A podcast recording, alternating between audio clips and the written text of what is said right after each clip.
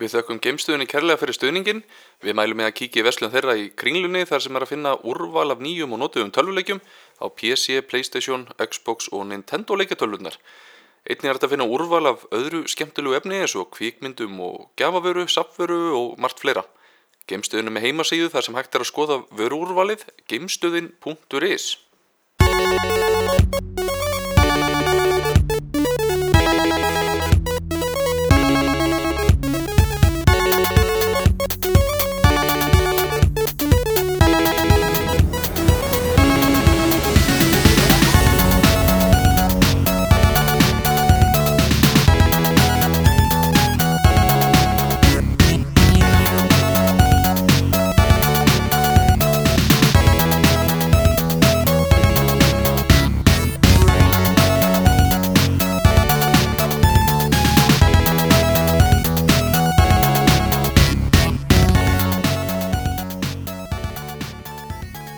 komið sæl, þetta er Bjarki sem talar og býður ykkur kæru hlustundur hjartalega velkomna í 35. þátt leikjavarpsins sem er heldur, með, með heldur óhauðbundu sniði. Daniel Rosenkrantz er hérna með mér og við höfum fengið til okkar góðan gest, Ara Þór Arbjörnsson sem starfar sem evangelist. Ég er ekki að byrja þetta mjög fallega fram sko, hjá Epic Games eða eins og, eins og hérna ég fann í orðabókinu og notað orðið boðbyrri í hversu góð íslenska það er en þetta er allavega íslenska. Um, og við ætlum að fjalla hérna um tölvuleikjaferil andra uh, Ara fyrirgeðu uh, sem er ansið glæsulur verður að segjast. Hann, hann hefur meðal annars komið að gera Returnal og PlayStation 5 og svo ætlum við að spjalla um leikjaðina uh, Unreal leikjavillina og kannski eitthvað fleira ef tími gefst til. Og við þökkum þetta geimstuðinni kærlega fyrir stuðningin en þeir eru samstarfsaðli Nördnórisins og leikjavarpsins og við bara bjóðum þið hjertalega velkomin hérna til okkar, Ari. Takk fyrir, takk fyrir, gaman að yes. vera. Uh, hvað segir þú? Verður þú til að kynna kannski aðeins betur fyrir hlustundum og útskýra fyrir þeim hvað þú gerir nákvæmlega? Já, skulum gera það. Byrjum á því mm. hvað ég er að gera núna. Þannig ég er eins og saðir evangelist að bóðberi.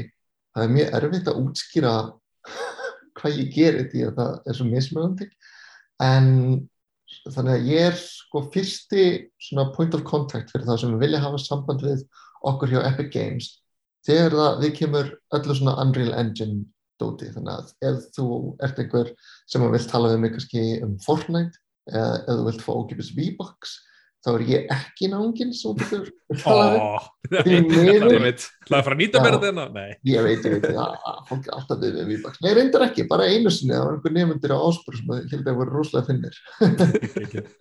En já, þannig að eða langar að vita um Unreal Engine eða Megascans eða Megahumans um, uh, Megagrants, allt þetta þú veist dæmi, ef þú ef þú ert til dæmis að búið til þetta í fyrirtæki eða þeir eru að búið til einhvern leik og þeir eru ekki þeir í sambandi við okkur þá er ég svo sem hættir að hafa samband við.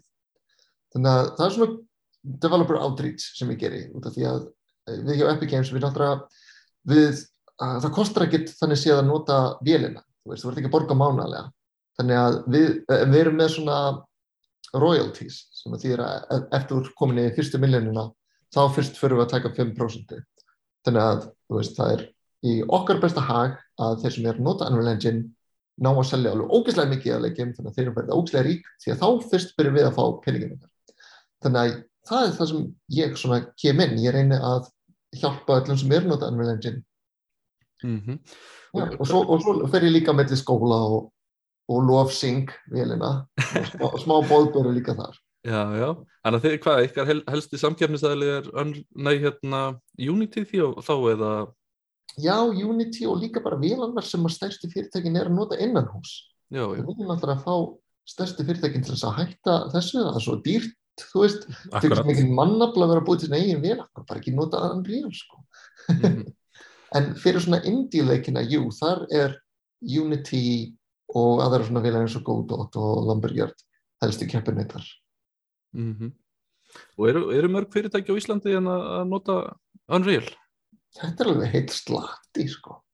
það er um, ok, þannig að við erum með, ef ég ætla að tellja upp bara nokkur, ég veit að CCP er núna, þeir er búin að segja að allir leikir sem að þeir munu að vinna eftir EVE Online uh, munu að vera nota Unreal Engine, CCP, uh, Arctic Theory, Directive Games, Mainframe 1939, það er náttúrulega Mirkur Games uh, okay, Þetta er nú samt bara frekar, frekar mörga því þau, þau eru ekki já þau eru 17 talsins í hildina skoðuna Já, þetta er alveg stór, stór hlungur aðeins sko. Já, já. Já, sérstaklega með CCP sko, þeir eru þetta bara móðurskipið. Já. Hérna á Íslandi. Er þau að veita þá eitthvað á, eins og segir, eh, CCP segir hérna alltaf að gera hérna næstu leiki á Unreal uh, Engine, er, er þau að veita eitthvað svona samninga gegnum það eða hvernig svona, eða er það bara svona þeir ákveðu svona, já, allt í að taka upp á því einhvern veginn? Verðilega taka fyrirtæki upp á því sjálf já. og allir samningar sem við gerum er bara upp á að fá betur prósentu, því að við já. erum ekki með 5% en það er hægt fyrir fólk að, að tala við okkur, við talað með mig ef einhverjum langar að vita meira um þetta þetta er svona custom licensing sem þýðir að þú gefur okkur pening fyrirfram og við mingum prósuna fyrir kannski frá 5, þú veist, gross í, yfir 5% net sem er þá eftir að Steam og Playstation og allt svolítið sem búin að taka þinn sinnkatt Akkurat, og þetta er klálega útbreytast að, eða ekki, svona engineið þann útiði Þetta er það, myndi ég að segja, jú, fyrir, svona, að fyrir eftir sko, eða þú ert að tala um símaleiki, nei, við erum ekki, nei, þar, þar myndi ég segja væri, en þú ert að tala um, sko, PC og konsól og svo leiðis, jú, þá erum við með flesta, sko, mm -hmm. en kannski allt í allt út af því að það er svo margi leikir á símum, þá myndi ég örgulega segja, þú veist, að Unity væri með fleiri leiki, en þú sérð miklu fleiri andri leiki sjálf, eða ert að spila, þú veist, á konsól og PC og þið eru að keira ekki Unreal Engine 4 núna eða, eða, eða er það aftur að koma? Hvernig er það? Ég... Við erum núna komin í 4.27 okay, okay. það var síðasta útgáðan sem við gefum út áður en fyrir mig 5.0 5.0 er núna, við erum bara að vinna í því alveg fullu og það kemur út þá á næsta ári. Við sáum það í mittena á PlayStation demo er langar með að segja. Uh, var það ekki PlayStation allavega? Og þá erna, voru því hérna einhver Uh, hvern maður farið fyrir gennu helli og, og, og fljúa og það var alveg ótrúlegt sjónaspil Já, það var, það var demo hjá okkur sem hér Nanite in the Land of Lumen. Akkurat, og var síðan nýjastu tekninu þar. Það var eins og segið, það ger maður virkilega spennan bara fyrir hvað hérna, já, bara næstu grafíkvíl og sérstaklega hérna, hérna, já, þess að þið eru að fara að kera í gegn Unreal Engine. Þetta er ótrúlega spennandi, rosa spennandi tímar. Þetta er svona næsta kynnslóð af því hvernig fólk er að búið til tölvileiki veist, ég, við hefum ekki séð að nufjörði gera þetta svona, sérstaklega ekki með hvernig við streymum inn þrjútamódalinn verðilega streymum fólk alltaf inn öll þrjútamódalinn í einu en núna með nýjastu tekninu, þetta Nanite þá erum við búin að skipta þeim upp í litla bita og svo mhm. streymum við bara inn þann hlut af módalinu sem þú sérð Já, og, og eins og núna er PlayStation 5 alltaf komið markaðin og, og Xbox Series XS og, er, og maður, segja, maður er að ekki sjá alveg leikin að ah, býður ekki hérna, tölvunar upp og, og veist, eitthvað betra vist að það eru svona öflugar. En það mun mæntilega koma þá með uh, þegar Unreal Engine 5 kemur. Þá kannski fáum við að sjá alls konar nýjunga bara í tækninni eða ekki? Nákvæmlega, sko við erum með þessa nýju tækni veist, þá við að tala um nýju konsoluna, Playstation 5 og uh, Xbox Series. Og það er, veist, það er nýtt seitur mótil, það eru þessi veist, SSD diskar og svo leiðis en fólk er þá búið til leiki eins og það var að búið til leiki fyrir síðustu kynsluðina sem ég kalla alltaf núverandi kynsluð út af því að ég kalla ekki PlayStation 5 næst, þú veist, núverandi kynsluð fyrir að fólk er komið þetta í hendunar algjörð, ja, þetta er svona eftir svona Surutrix Next Gen og, Þannig að, að núna að, veist, með Unreal Engine 5 erum við að veist, nota alla þessa þetta hardware sem að leikjartölunir eru með.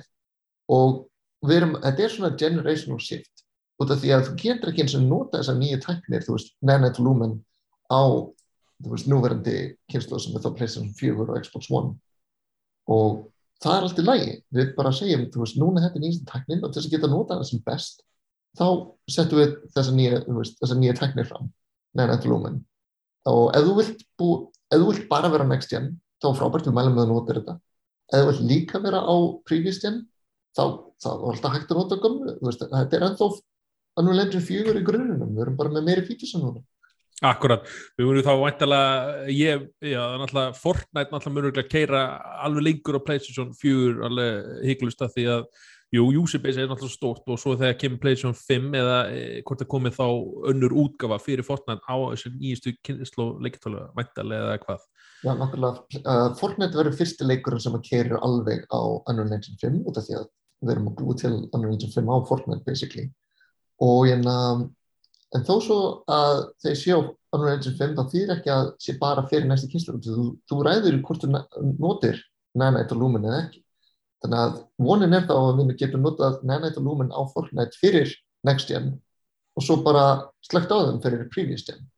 Akkurat, og verður já auðvelt fyrir framleiður að framlega fyrir nanættvélina eða þessu nýjustu eða verður þurfa þurfa að læra eitthvað nýtt, nýtt skrif Það ætti að vera auðveldan ef eitthvað. Því núna þarfst ekki lengur að pæla í það sem heitir level of detail. Þú ert að búa til aðrar útgáfur af þrýfdamódulunum sem eru miklu grófari svo, geti, svo þú sért ekki að eða allum tímanum í að rendur þetta ef þetta er langt í burtu og nú þarfst ekki eins og það lengur. Við gerum þetta allt fyrir því, styrjum þetta allt.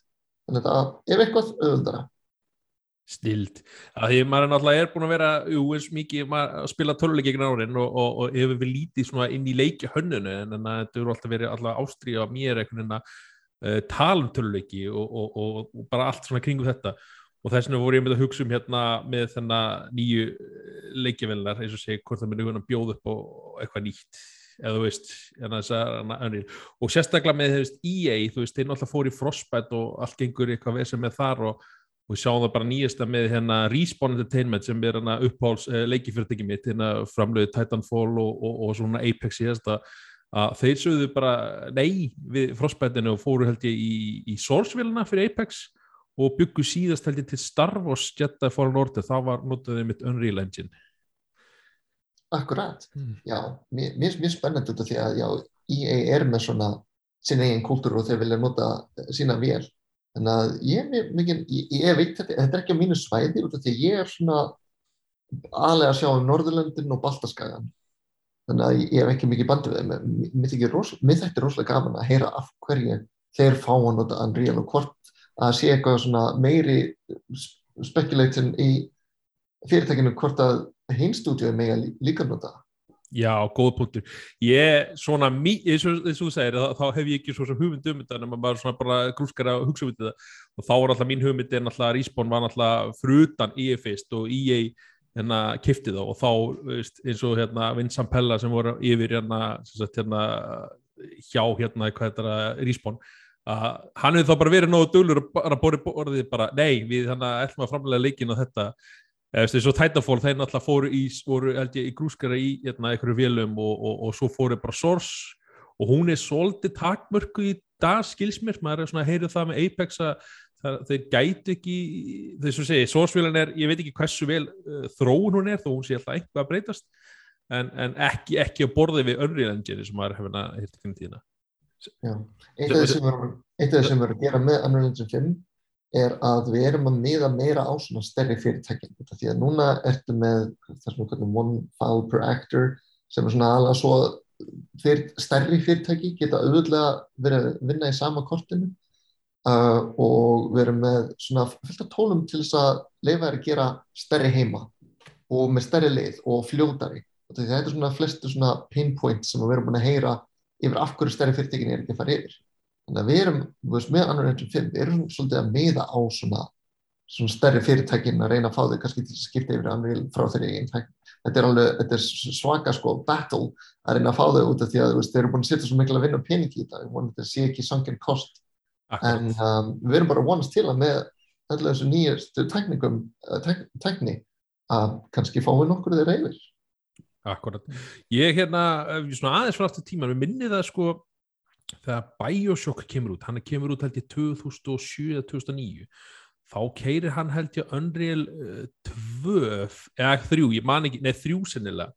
Og mér fannst svona leikin eins og þá Batman Arkham Asylum kemur á tíma og þegar mér fannst þetta svona, svolítið sambland og maður bara að þetta keirir, þetta er Unreal sem maður sér það, þetta er svona allt svona samlita veginn, en það var ekki fyrir held ég svona þau fóru í 3.5 og sérstaklega fjögur þannig að þá fannst mér rosalega fjölbreytileika í leik veist, það er svona, jújú, jú, maður sér að þessi kerir Örn Lensin, hann satt allt öðruvísi, þannig að þið fóru einhvern svona gáttu gefið meiri, ég veit ekki framleitinu svona meiri svona valið eða bara fleiri valkosti til að breyta útlítinu það er mjög aðtiklisvert hvernig þetta hefur þróast í tölvuleikjum því að Unreal Engine var náttúrulega bara þekkt fyrir að vera first person shooter bíl.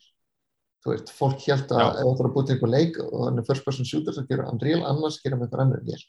Þannig að mjög, mjög bara að sjá hvernig er búið að breytast núna því að nú, nú í dag, þú veist, fólk er að nota í hvað sem er að vera notað í svo veist, svona management leiki, herkjenslu leiki, um, VR, alls konar, indie leiki, púslu leiki,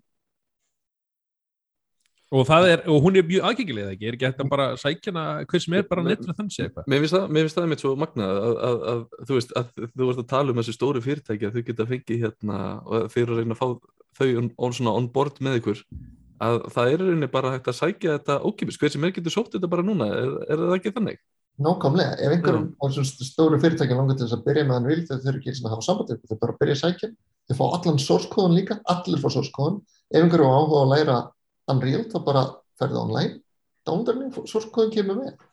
Og þetta er líka mjög gott fyrir það sem er að læra á alls konar svona uh, leikjatengt uh, því að um, þetta er ekki svona black box eins og suma vilar, ef þið langar að vita hvernig eitthvað virkar þá bara kíkir að það. Við erum með svona blueprint scripting language sem er svona visual scripting sem við kallum það.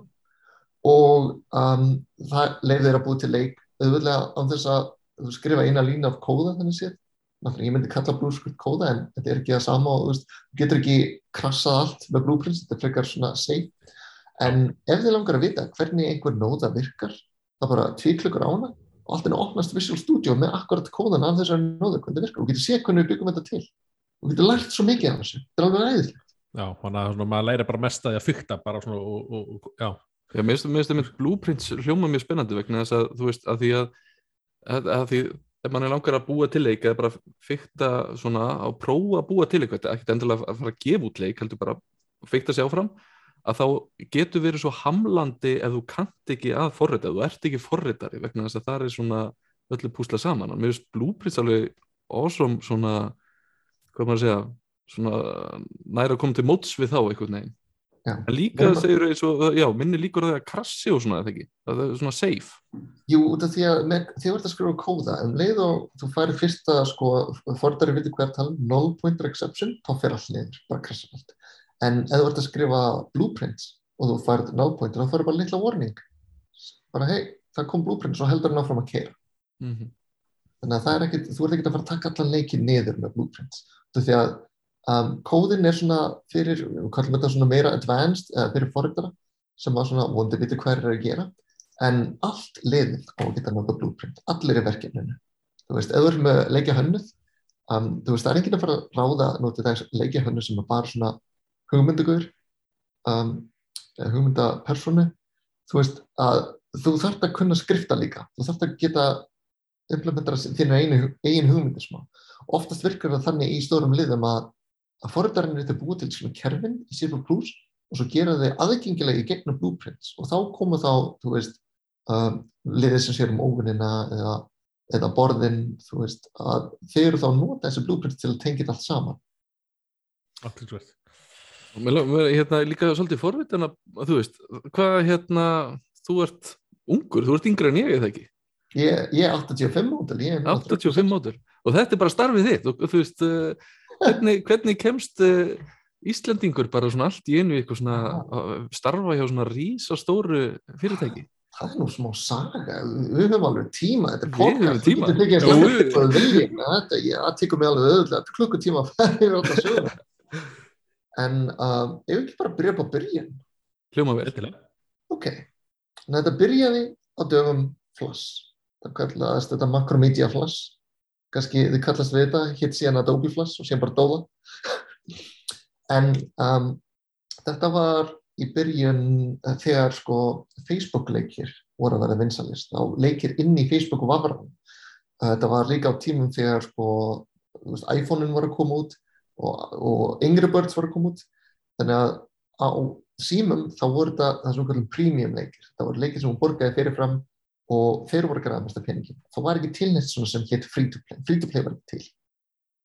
En það sem við vorum að búa til, uh, það sem var, uh, þú veist, næsta skref yfir premium var þá social games, sem var þá svona fyrsta tegundin af free to play.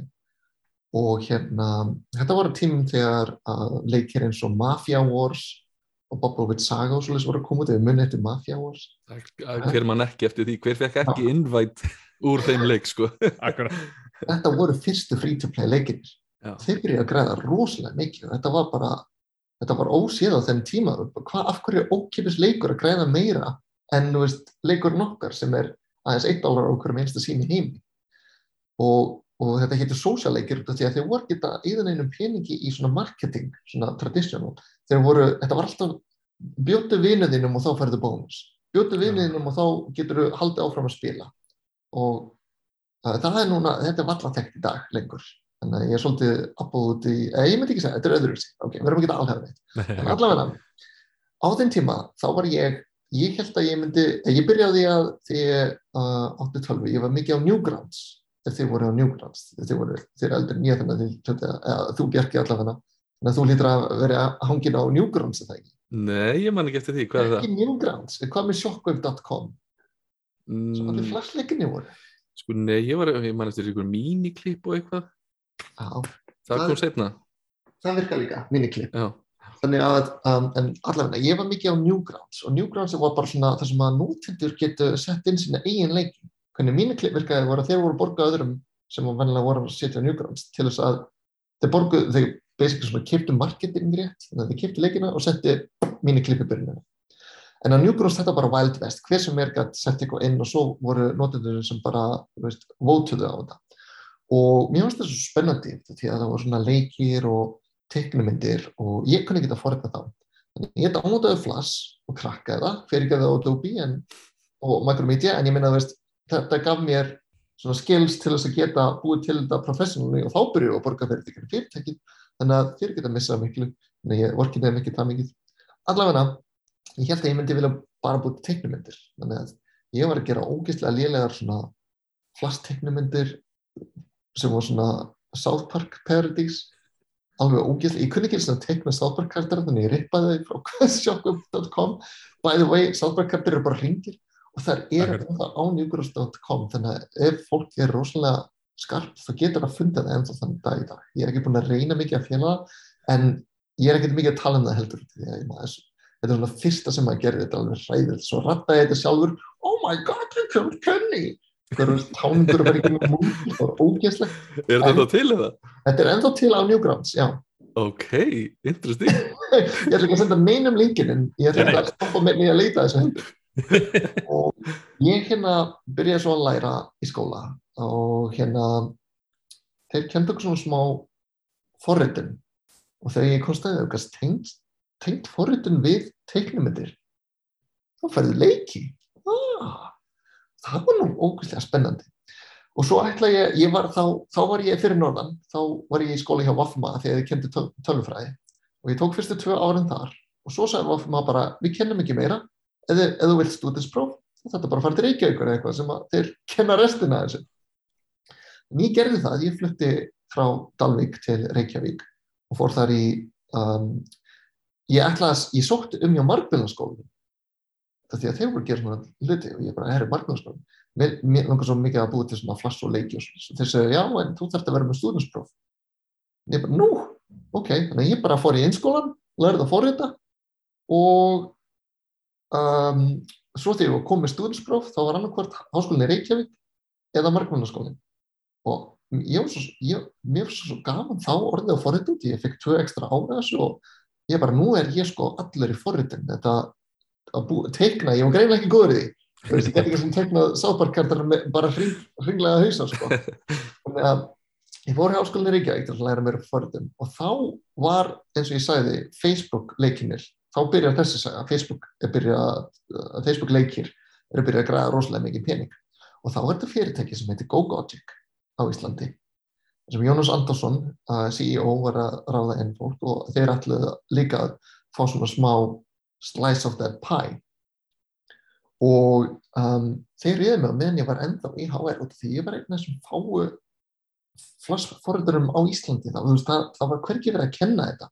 Það er bara að vona að einhver hafi veist, gert þetta í frítjónum sínum. Og þú, veist, það voru einhver tveir náðungar sem við veitum, þannig að ég var einn aðeins hinn var fyrir norðan, þannig að Gógotik hefði sambandið mig, það er langar ekki að koma í heimsokk til okkar sagðan. ég fór í heimsók og þetta var rosalega casual, þeir voru bara að tala við mig, fengið mig til að tala um flass, ég var rosalega passionate og ég bara tala og tala og tala og þeir bara, þetta er réttin ángin. Og sagði Jónas, segir hvað, þú kemur inn á morgun, ég verði tilbúið með samling fyrir að skrifa undir. Já, þannig ég bara, wow, ok. Þannig að ég kom næsta dag, skrifaði henni samlingin og þá var ég komið að vinna í leikiðina. Þannig að ég fæst undir spurningu hvernig kemst ég leikiðina, þannig að það sem ég geti sagt er, verður með þann talent sem er í mikill þörf. Það var svo heppin að ég var svo heppin að ég kynnt á flass áður en að það var veist, í þörf. Þannig að um leiðu þetta var í þörf og bara halló. En núna, nú til dags ég minna að leikja yðnaðurinn hefur aldrei verið stærri það hefur aldrei verið auðvöldar að læra heldur og því því ég var að læra þá voru nokkru fórums og bara búið. Veist, það er ekkert sem mörg hundru þúsund klukkutíma efni sem að hver sem ekki geta horta á núna online. En já, ef þið langar núna að komast í leikiðina henni, ég myndi segja að byrja að læra Unreal Engine, því að það eru þessi 6-7 fyrirtækir á Íslandi sem eru að, að stækka grind og það er bara 0 fólk á Íslandi sem kann Unreal Engine og þeim vantar rosalega mikið að ráða. Have the right skills at the right time, ég ætla að skrifa ett punkt á því á mér, þetta er eitthvað sem ég ætla að fara í. Já. já, ég heyrði mitt á hérna, við vorum að kynna svona árskíslu eða eitthvað hérna, íslenski leikiðinaðurinn, þá vorum við að tala um að eitthvað í kringum eitt þriðja af öllu starfsfólki er rauninni erlendir sérfræðingar og það er bara vegna þess að það, það er mitt vantar fleiri hérna á Íslandi í eitthvað svona sérhæfingu. Það er bara ekki til nógu margir sko. Það er rosalegt. Er það á Íslandi? Þegar ég veit að í Finnlandi já. er nú þegar eitt þriðji starfskraftsins ekki finskur eins og þú veist ég. Já, já, já. Þá er þetta öruglega svipað hérna bara. Já, þú býrði í Finnlandi þá ég bý í Finnland svona... við erum komið það við sagan er enda í byrjun já, ég, ég, ég, akkurat, ég býði spenntur að þið koma okkar ok, haldum áfram þannig að já.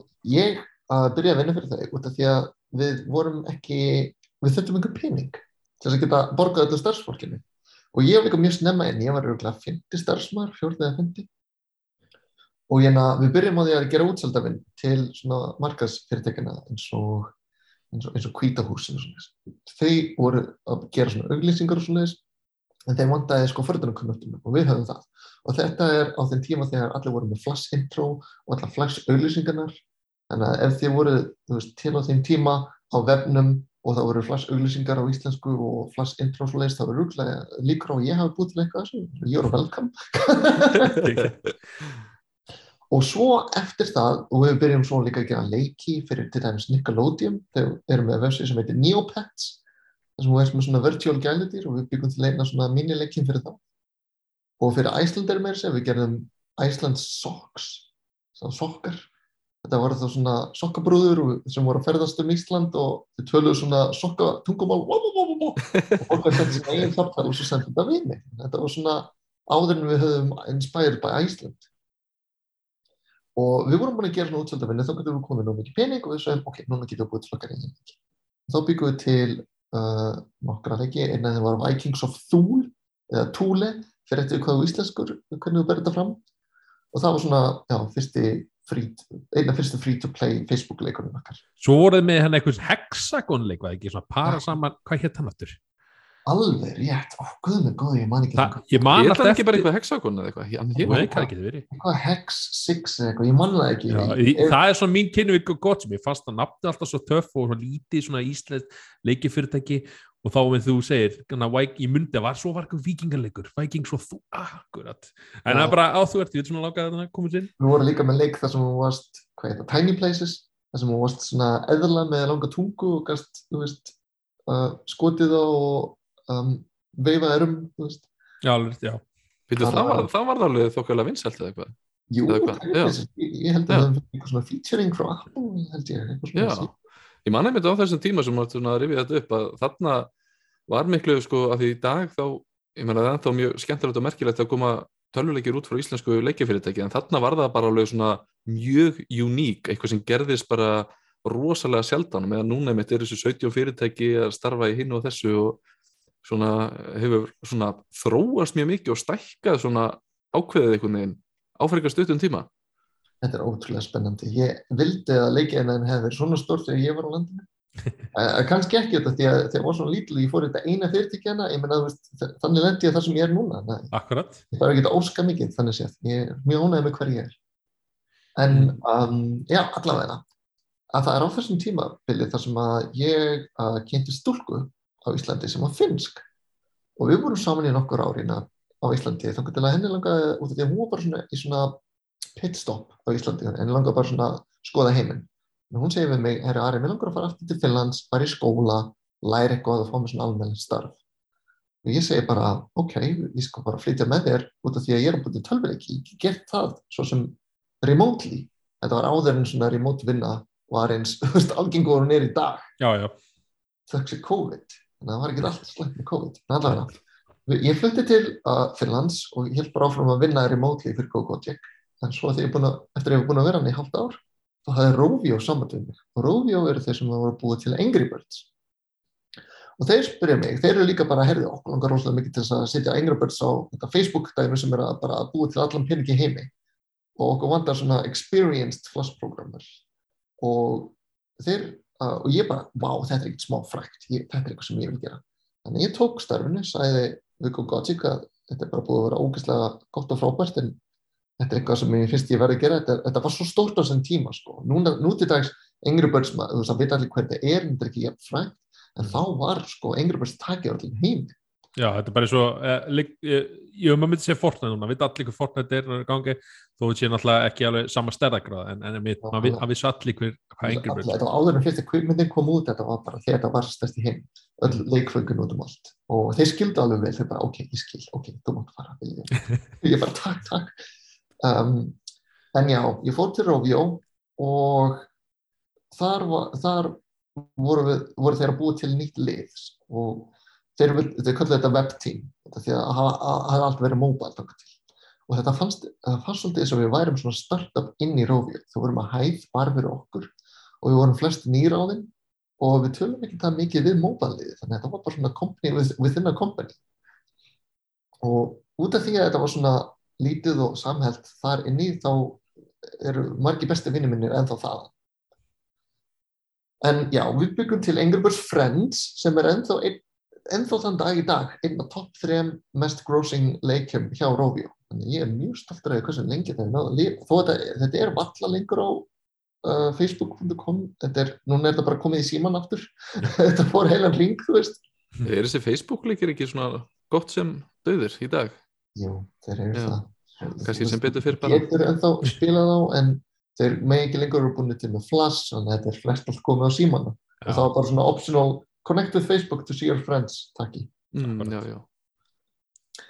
og ég var þar, ég var hjá Rovio eh, ég var búin að vera hjá GoGoTech þá í fjögur og hálft ár. Og svo fór ég til Rovio við byggum til English Friends. Eftir það fór ég, ég búið til prototýpur um, mest með Unity og var fyrir síma og ég held að við búið til, búið til þrjá ári eða fjórar prototýpur og svo næsta sem er að vinna og það var alltaf verið að drepa leikina. Þegar við erum að leita að næsta big thing. Þannig að það þarf að vera svolítið selektiv með hvað þú veist, að setja hliðið í.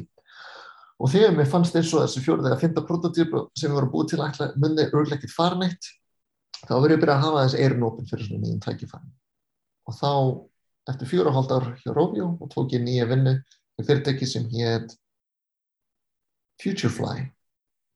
Og það er ekki til lengur, þetta var bara startup. Ég var þar í sex mánu aðeins en þeir voru búið til svona messenger sem er svolítið skrítið og hugsaður hvað var ekki veist, Facebook Messenger og WhatsApp á þeim tíma? Því að þetta er núna, nú erum við að tala um fyrir sko 5-6 árum aðeins.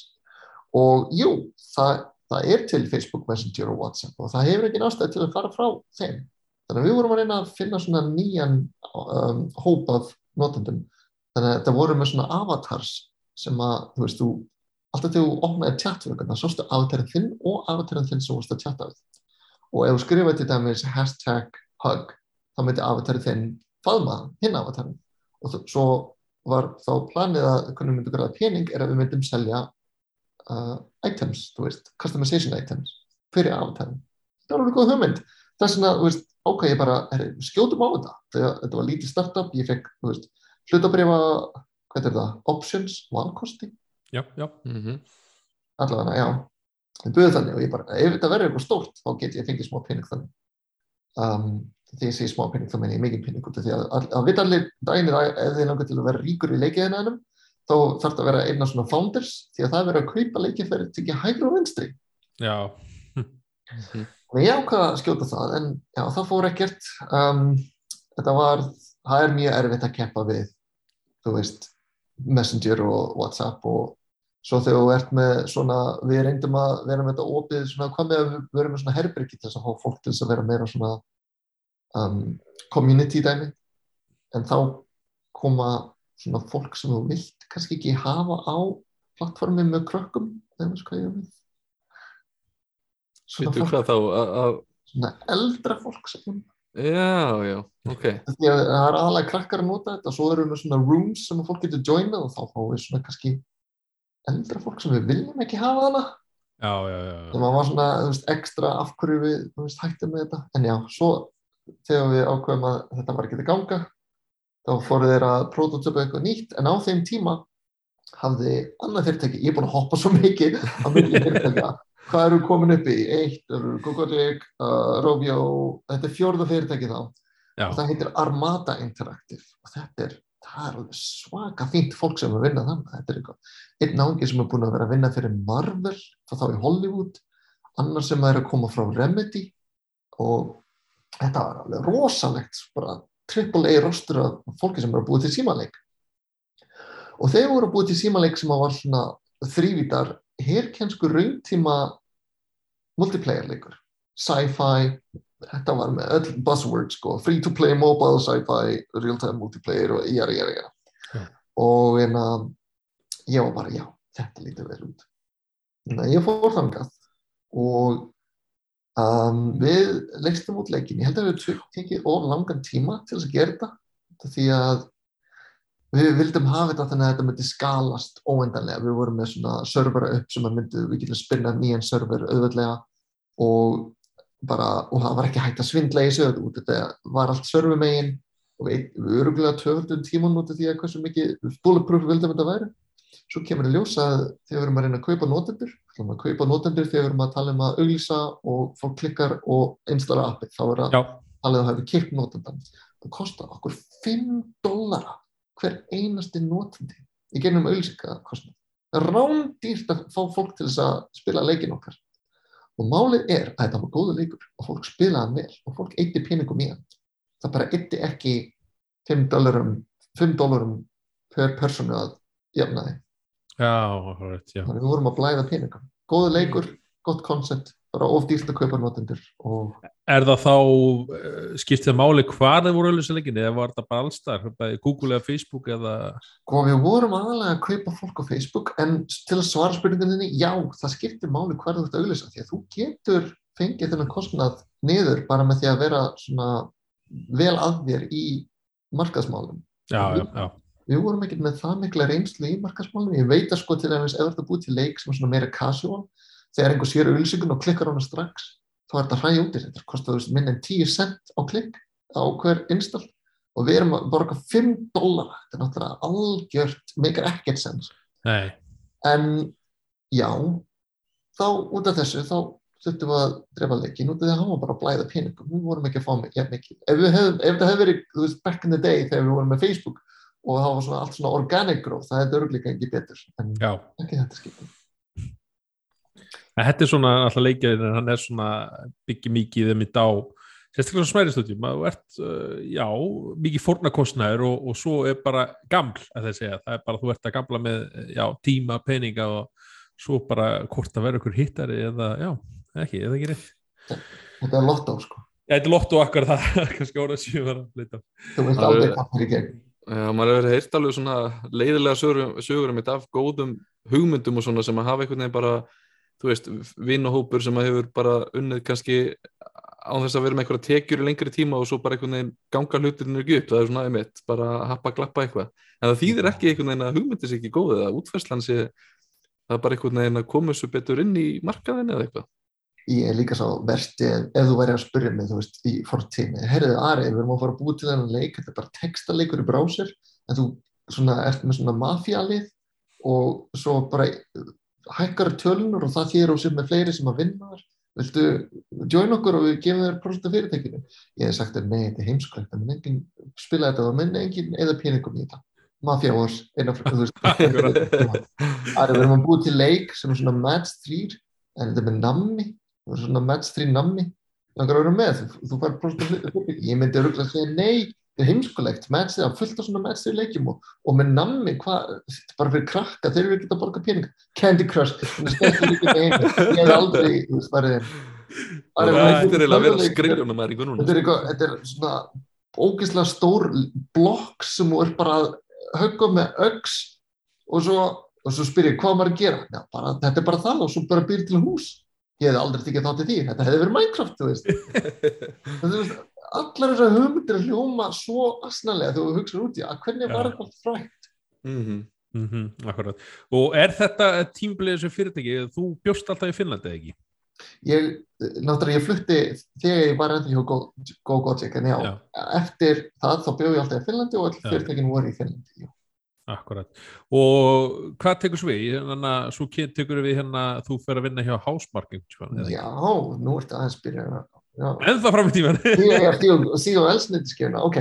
Um, Ég var þær tvö ár En þá fæ ég og já, og leikurinn fór niður og svo vorum við að reyna að finna eitthvað annað sem við gætum auglist ódýrar og þá ákveður að fara í svona mid-core match 3 og ég bara, ægi ég, ég fór frá Rójó til ég kom með leið allir með svona casual leikin þetta var alveg góð hugmynd ég menna, hann, hann gerði betur heldur en hinleikurinn um, en já, á þeim tíma þá var ég bara já, ég er bara að missa áhuga. En þá hafðis Hásmark samvættunni, er enda vinnu minn sem vinnur um, hann var að segja mér, já, við erum að leita að lít forendara fyrir næsta leikin okkar. Við vissum ekki neitt, þá var ekkert PlayStation 5, það var ekkert búið að annánsa það, fólk vissi að vera leini en það var ekkert annánsað og hérna, já, og ég er að tala við hann á bar og hann segir, já, við erum að leita lít forendara fyrir næsta verkinu okkar. Og svo spyrir hann hvort ég hafi áhuga og ég segi mér sko ég, er nú, ég er svona ágætla ánæður hjá Armata þar sem ég er núna þannig ég er ekkert að sækja um á, á stöðum en ég meina ef fólk er að bjóða mér í heims og þá kem ég nú alveg við. Og hann segir ah, ok, allt í lagi. Svo er svona smá awkward silence og horfi á hann og svo segir þannig að viltu bara ekki bjóða mér í heimsók ó, jú, ok kom í heimsók og rosalega skrítið. Ég, ég, ég hefði bara geta sagt já, ég skal, þú veist skal sækja um, en ég var eitthvað svo ég veit ekki, mér finnst þetta svo þegar ég er sem ég ánæður ég, að vera, að vera, þú veist, að leita fyrir að þú sett ekki ánæður ég var nokkuð ánæður, en allavega þetta, ég var með eitthvað skríti, skap í gangi þá og líka en þegar þú ert mjög ánæður þar sem þú ert og svo er annað fyrirtæki sem vil fá þig, þá ert þú venilega með sko yfirhundina ef þú ert þegar ánæður þar sem þú ert. Myndi, kannski, kannski var það svona taktik, ég vil bara láta ykkur vita að ég er að gera ykkur greiða, þeir er ekki að gera mér greiða sem var alveg þau eru öfugt sko. Okay, okay. þannig að ég býð sjálfur mér í heimsók til Hásmark og, og í svona atvinnum viðtal og þeir segja mér þá að við verum að vera hreinskilin við vitum, þetta, þetta er vel ekki svona við förum vel að í gegnum sko e-mail fyrst og verum að fórtuna prósulegis og ég bara já já, en ég minna ég skal bara að kera þetta. Þannig að ég var bara að kera atvinnum viðtalið ég var kynna sjálf á mig og segja hversu frábær ég er og svo leiðis ég er að gera og ég ná og þeir segja ok, hefur einhvern tíma notað Unreal Engine? og ég segi nei, bara Unity og Mobile. Og, seg, og þá spyrja þér, ekki eins og konsolleiki ég segi nei, ekki Unreal, engar konsolleiki svo spyrja þér, hefur notað C++? ég segi ekki síðan í háskólan okay. hefur verið í liði að, þess, að, að þessari stærð? Ég segi nei, miklu, miklu minni lið bara tíu manns maks og þeir eru núna orðið svolítið skeptískir. Þeir segja að þessi náðungi sem er með rosalega stort ego að sækja um hjá okkur en hefur enga hæfleika, hvað er þetta? og ég segi, en ég meina, veist, ég er búin að vera forrita núna í 15 ár, búin að vera leikiðin hennar með 12-13 ár. Ég meina, þetta er ekki bara, er önnur vél sem maður bara pikkar upp? Og ég meina, C++, ég er búin að nota hvert annað tungumál undir í himninum, ég er búin að læra á Turbo Pascal, Delphi, C Sharp uh, PHP, Java .NET, allt þetta kæft þetta er bara enn eitt tungumál, þetta er öll einis og þeir segja við skulum þurfa að þú takir próf heima. Ég segi alltaf þetta er sangjart þú veist, ég kemur það, kann ekki neitt. Uh, tökum heimaprófum þeir gefa mér C++ heimaprógram. Það C++ er tungumálið sem að flesti stóru leikir eru búin til í dag. Þetta, er svona, kemur þér sem nálægast hardverinu en samt er auðvitað að skrifa það. En svo er náttúrulega til hærri tungumál eins og C-sharp og svo leiðis sem að gera miklu leira fyrir þig, en núna er þetta komin svona það sem við kallum abstraction, nú er þetta komið lengra frá konsolinu sjálfum, þannig að það er aðeins erfiðar að, að kreista performance út af því. En já, ég tekir það heim og ég googla hvað er nýtt í C++, ég er búin að heyra að það er eitthvað til sem heitir modern C++ og ég læra þessu mynd og ég bara, ok, þetta er bara eins og C-sharp, bara aðeins öðruvísi. Þannig að ég klára prófið að senda til þeirra og þeir segja kom okkur óvart hversu, veist, hversu vel gert það var, ok, því að þeir voru, þeir voru mjög skeptískir þegar ég kom inn og sæðist ekki kunnan eitt. En, en þeir segja samt, við erum samt skeptískir og þú hefur ekki notað anverð, þannig að við ráðum þið sem senior programmer til að byrja með. Það, fyrir þá sem maður veit ekki hvað senior er, þetta er verðilega bara hversu lengi þú hefur verið í fyrirtekinu eða hversu stórum titil þú er með. Þetta byrja sem junior fyrir þá sem er nýjarinn svo missur þú June-titilin og er bara kall, kallaði til dæmis programmer eða designer actualist og við það staff og svo eftir það ferðið senior, þá ertu með meiri laun og þá er líka búst við að þú ert að gera meira svona mentoring og svo ferðið annarkort í lead eða specialist. Og þá verður svona nokkur skref. Þannig ég er þá á þeim tíma lead en þeir ætla að bjóða mig ein eitt starf til, til læra senior. Sem að því er, sem þeir lead og senior er stundum oft um það byrju næstu við að sama borgað fyrir eftir hversu reynslubólti hversu mikið reynslubólti að þetta er bara svona einmitt svona til að sína reynslu þína innan fyrirtækisins Nákvæmlega, nákvæmlega að og líka hérna... til þess að skilgrina hlutarki þú veist því að junior, við hefum ekkert vonað því að hann sé að fara að mentora aðra sko. Nei, en akkurat ef já. einhver senior þá vita allir að þið geta spurt hann hvað sem er. Já, ég, henni, segja, ég er alltaf að fylgjast með Twitter og eldi mikið með Drísbán og þá var alltaf einhver að segja já, nú er ég orðin lead, eh, ekki lead kannski, en nú er ég senior animator eða eitthvað svona þá verður hugsað, já, hver er einmitt munin og þá er, já, eins og, já, þú bara skýrið það bara. svo fer þetta upp í allan upp í principal eða þú vilt ekki taka út af því að þetta skiptist í tvend þegar þú ert komin yfir senior þá annarkvort þetta fara að sérhafa þig rosalega, rosalega mikið í takninni eða þú þarf að þá að vera góður að tala við fólk og vera svona mm, já, og oftast fyrir fóröldara myndi ég segja þú veist, að það er svolítið erfitt fyrir þá sem að hafa kannski verið introvertið all, allir sinni æfi að vera alltaf að vera einhver stjóri mm. að vera promótað á outside of their comfort zone eins og við segjum alltaf ok, já, en að þá er líka, þið geta að fara svona að þá getur verið principal programmer, þá er þú svona sem er svona ákveða tæknina og svo leiðis og þá kemur kannski lít sem er kannski yfir þér en hann spyr þig hvað ég var að gera næst já, akkurat Mik, já. þá, þá eru lít og principal á sama leveli en lít er meira svona meiri mannöður, mannustjórn Akkurat. Og hvað er svona fyrirtæki bara, hvað er svona eins og hálfum, hvað er þið marga lít og hvað er þið marga principal bara svona dan, við erum með kannski einn og tvo principal og þrjá til fjóra lít. Já, ok, já, svo svo er bara allt ennþá einn fleiri senior programmer og vennilega programmers. Ef við erum að bara tala um foreldarum Já, já, ég er bara svona, ég, því en að, að það get ekki svo Já, það er sjálfsagt að þú færð sko principal programmer út af því að þeir uh, eru rosalega sérhæfar, þeir eru alveg bara klárustir að þeim klárustu. Já, akkurat En já, þannig að ég, þeir segja, við ætlum að byrja að ráða þessum senior, þannig að eina uh, stöðu lægri og svo eftir trial period sem eru sex mánuðir, sem er þetta tímabild þar sem að hvor má reka eða hætta bara á zero notice. Þetta er svo notið því að um leiður komin sem full-time employee, þinn, þá er næstu ómulegt að reka þig. Þess vegna erum við með þessar sex mánuða sem að við getum testdræfað starfsfólk. Já, bara svona reynslu, vissum að þetta virki, því að ef þú ert að ráða einhver toxic, þú veist, þú vilt geta reykjan á þeirn að þetta er orðið full time og þá bara alltaf, úps, nú er ekki þetta reyka nema við fyrir mig gennum rosalega langt ferli sem er alveg bara martröð. Sem, sem er mikil alveg senn sko. Já, því að já, Þetta er allt fyrir starfsfólkið. Þú veist, Já. ef einhver, ef einhver langar bara þig, þau geta ekki. Þau þurfa fyrst að gefa svona skriflegt, herðu, þú gerir þetta og nú þurfum við að gefa þig tækifæri til þess að betra um bæta Já, og svo Mm. kemur þetta önnuvörður og þriðja og það þarf að sína vilja til þess að bæta um þessu og aðeins ef allt þetta hefur feilað þá fyrst máttu byrja að fara í gegnum fellega rekan en allavega við erum alltaf að digressa um, ég segi, já, fínt, ég væri frekar ánæður þó ég hefði bara verið sínið program að fara og vera einhvern svona leik. Þeir, þeir síndi mig leikin og þetta var svaka flott. Fyrir þeir, eitthvað sem hann sér í tverna, þetta er third person shooter sem er, sem er líka roguelike og líka Metroidvania vibes og svo er líka bullet hell í þessu, þetta var bara, ég hef aldrei séð á æfiminni svona leik áður. Hver er eiginlega borga fyrir þetta? Þetta er uppáhaldsleikur minn þetta ás Ó, oh, takk fyrir oh, það, er, það, það bara, já þannig að við komum það, nárið það eftir en Þannig að nú er, nú er ég komið með önnur Game of the Year þið, þið, þið tælist sem sko reporters, þannig að þið getur verið með ykkar eigin Game of the Year Já, við, við erum að setja saman lista sko, hann verður bara byrtur núna á næstu dögum sko, þá vitum við alltaf hvert aðkvæðið hans Rósingrans fyrr ég verður rosa, rosa svektur ef ég sé ekki í tölvuna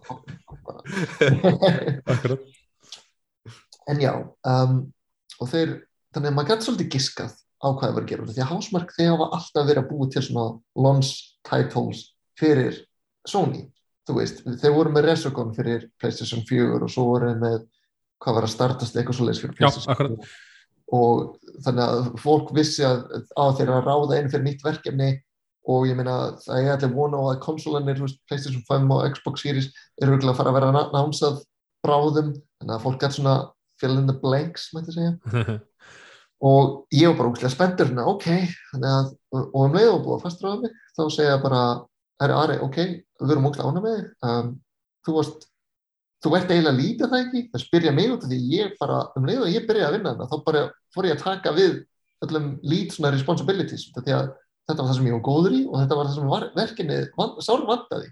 Þannig að ég byrja bara strax að segja fólki, ég er aldrei að segja fólki hvað að gera bæða veginn, ég er bara að, að um, hjálpa fólki að vinna vinnuna sína og það er það sem að lít gera, það er ekki að skipa fólki fyrir.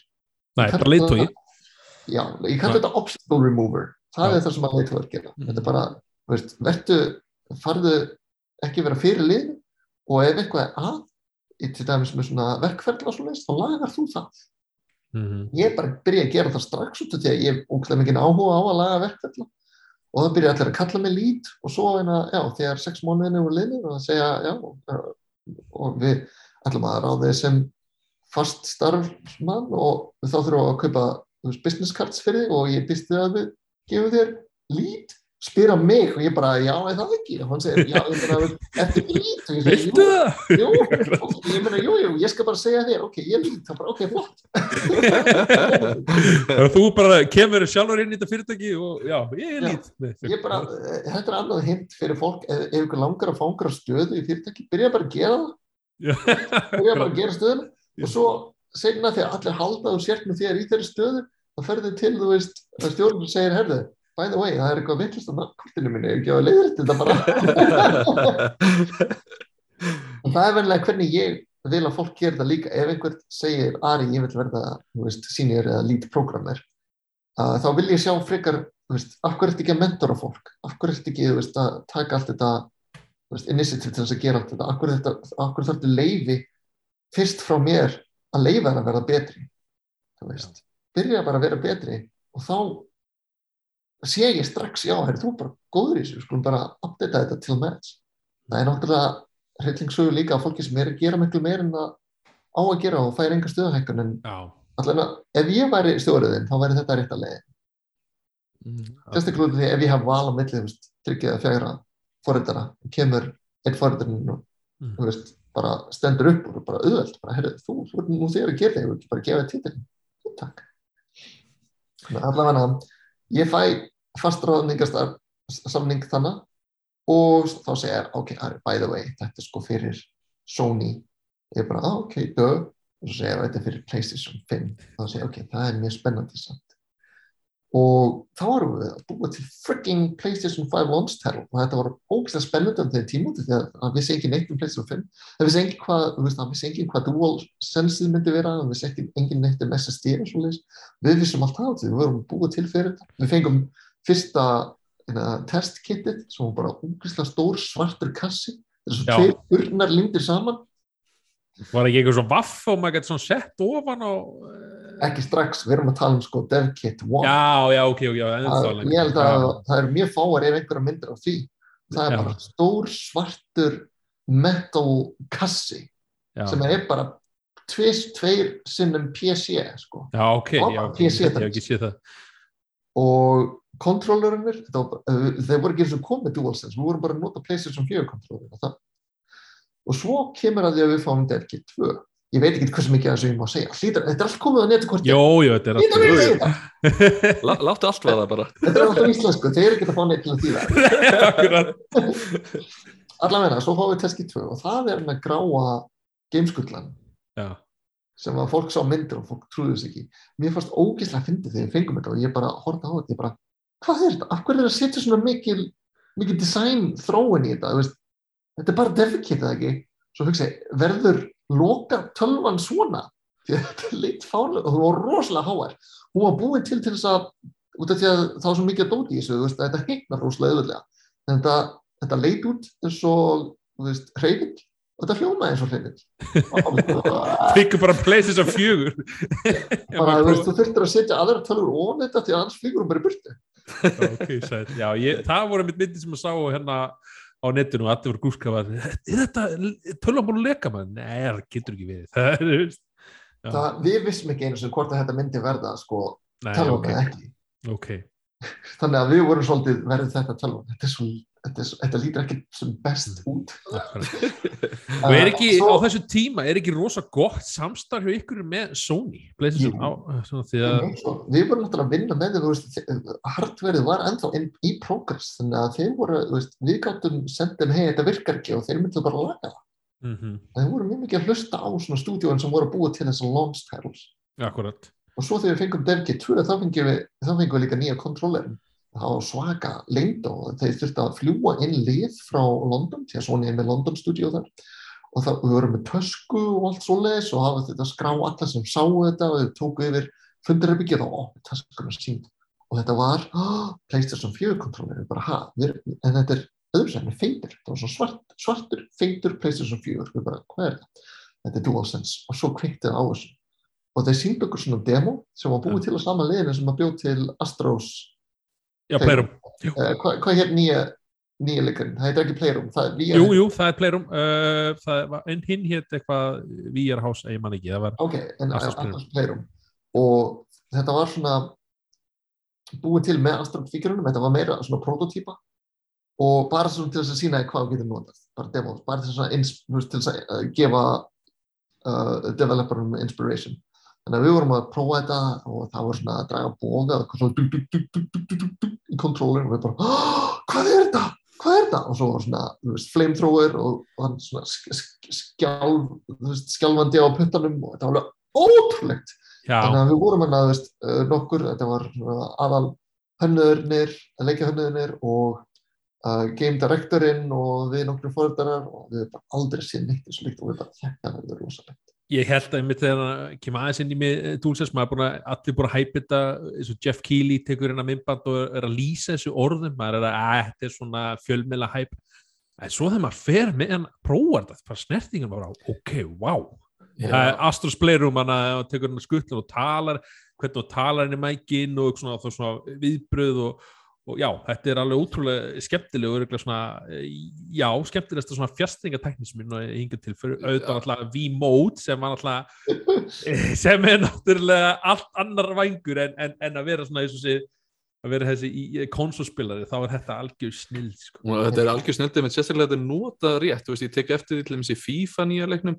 að er þetta svolítið svona ofnotað og ekkert kannski fingpúsað of mikið, en með minnir einmitt er það ekki í hérna Returnal þegar að rigningin er, Jú. koma þá ekki svona pínu litli svona finnur, og ég man allavega eftir hljóðinu það maður gjössalega sökki heiminn en minnir einhvern veginn að það hristi svona pínu fjastringi með uh, rigningunni þar. Það er náttúrulega hætta með svona nýjungar að að þetta verði gimmick veist, já, já, og það, veist við, við vorum svolítið að hugsa hvernig getum við veist, fært þetta út fyrir gimmick og láta þetta bara þannig að þetta gerir reynsluna betri þegar þetta spila þannig að þannig að við gerum svona fullt af litlum hlutum sem að bara svona uh, increases immersion veist, Mhm. og já, rigningin. Þannig að það er í byrjuninni þegar við byrjar leikin þá rignir. Og við notum hvað er þetta, er það haptic feedback? Eða, jú, það eru pinnanir þannig að, nei, nei, það, jú, það hafði ekki jú, þetta hafði ekki, jú, Er ekki hætti kvip og svo jú. pinnanir eitthvað annað. Já þetta er ha, trigger það hafði feedback það er hann að, þessi hristi tækni, væbratekni er Já, hún vita þetta, en ég er ekki, ég er ekki einskamaður fyrir Sony, ég vil, bara köllum þetta sko vibration og triggers, þú veist, já, já. og jú, og svo þannig að finna er að hvernig það virkar. Þetta þetta er bara basically tveir hátalarar í kontrollernum þannig að þú ert ekki lengur með svona hönnuð sem að segir nú á þetta snúast hratt, nú þetta snúast hægt. Þú þarft að fá hljóð designerinn til þess að búa til rumble fyrir kontrollerinn þú veist, þetta er rosalegt. Hversu, þú veist, þú hefur svo miklu meira svæði núna til þess að geta sett hvað sem er inn í þetta. Já. Þannig að við ákveðum, ég setur svona litla regndrópa sem þú, þú rétt finnur fyrir þessu. Og svo heyrir það líka í headphones. Og það er eitthvað sem ég langar líka að tala um að PlayStation 5 er með þetta um, hljóð, 3D audio já, 3D audio þeir eru með svona share processing chip sem sé bara um þetta og ekkert annað. Þannig að þú veist að venlega í leikjum að þau ert með surround sound og svo leiðis þegar eitthvað reyfist í kringum hausum á þér þá er bara skipt um hvar, í hvað hátalara það verður að spila þetta. Og þegar þú ert með stereo headphones þá er bara hægra eða vinstri. En hvernig ætlar að láta hljóma eins og eitthvað sé fyrir aftan eða fyrir ofan? Hann, eða fyrir neðan? Og þá er PlayStation 5 með þessa tekni sem að þeir eru með svona virtual eyru í konsolnum og þeir simulata hvernig hljóðið heyrist fyrir aftan einhvern sem væri með svona eyru og spila það. Þannig að þú fær eiginlega betri hljóð úr PlayStation með headphones heldur en með þú veist 8,1 surround sound home theater. Út af því að þá byrjar hann að nota þessa, þetta kort, þetta chip. En annars fer hann bara í vennilega sko, ok, nú hefur við bara eftir hvað þetta er. Þannig að, hún situr á headphone-in og þá bara þetta er ótrúlegt, þetta er 360 gráður allan ringin upp og niður, hæra vinstri. Allar átta, átt, áttinar, eða ekki átta? 1, 2, 3, 4, 6 áttinar Já, já, já. Já, ég man, einmitt, þessi rigning, það er ekki oft sem að tala um rigningu í tölvuleika. ég, ma- ég man alveg, þetta var svona moment einmitt, sko, og ég fór, sem sagt, ég var alltaf svona leiðin að prófa leikin, en svo voru félaga mínu og voru eitthvað, veistu, þú verður að tjekka á sig, þetta er geggjað, sko, og einmitt, bara þegar maður byrjaði leikin og, og þessi rigning, þú veist, ég, einmitt, eins og ég segi, þess, þetta er eitthvað sem er ekkert endilega spá mikið í tölvuleik, en þarna var þetta bara þannig moment að maður var svona pínu að hanga úti í rigningunni bara til einhvern veginn að, þú veist, eh, hvað maður að segja, eh, já, finna fyrir þessar upplifun einhvern veginn. Svo er mitt en þegar ég fekk í það 3D headphone þá hérna, veist, var ekki að tala veist, þú er að prófa með 3D, hvað meinar uh, ég prófa, þá alltaf fyrir að heyra svona alls, í returnu sérstaklega umhverfnið sem bara, ok, þú veist, ég var ekki að heyra þetta í leiknum að því að, að það fyrir mig getur ekki gefið eða sambara mitt getur ekki gefið sér hljóð, en þannig var ég að heyra alltaf í skóginum eitthvað svona dýr í raunum en svona til að leiða þá er þetta haptic feedback og heitir adaptive triggers er- Adaptive triggers Já, já, það Við er vissum þetta allir, við vorum bara að halda, halda þessu í okkur. Ég er ekkert um þetta þannig að við vissum alltaf hvað við vorum Við við Hvað eitthvað aldrei hérna. erum ekki bara að segja þetta nokkur sinnum og við getum splæsið þetta inn haptic feedback, haptic feedback. Nei, ekki, uh, adaptive triggers Adaptive triggers. og það var svolítið cool með returnunum sko, þá minnum ég að þú hana, ítir L2 knappi og svona, þá miðaru eða hana, hana, já, skjóta óvinni en svo ítir þú ennþá fastar þá skýtur þú ennþá kraftmeiri skotum þannig að þannig að þú komið tvær aðgjörir á sama knappana sem er eitthvað algjör nýtt.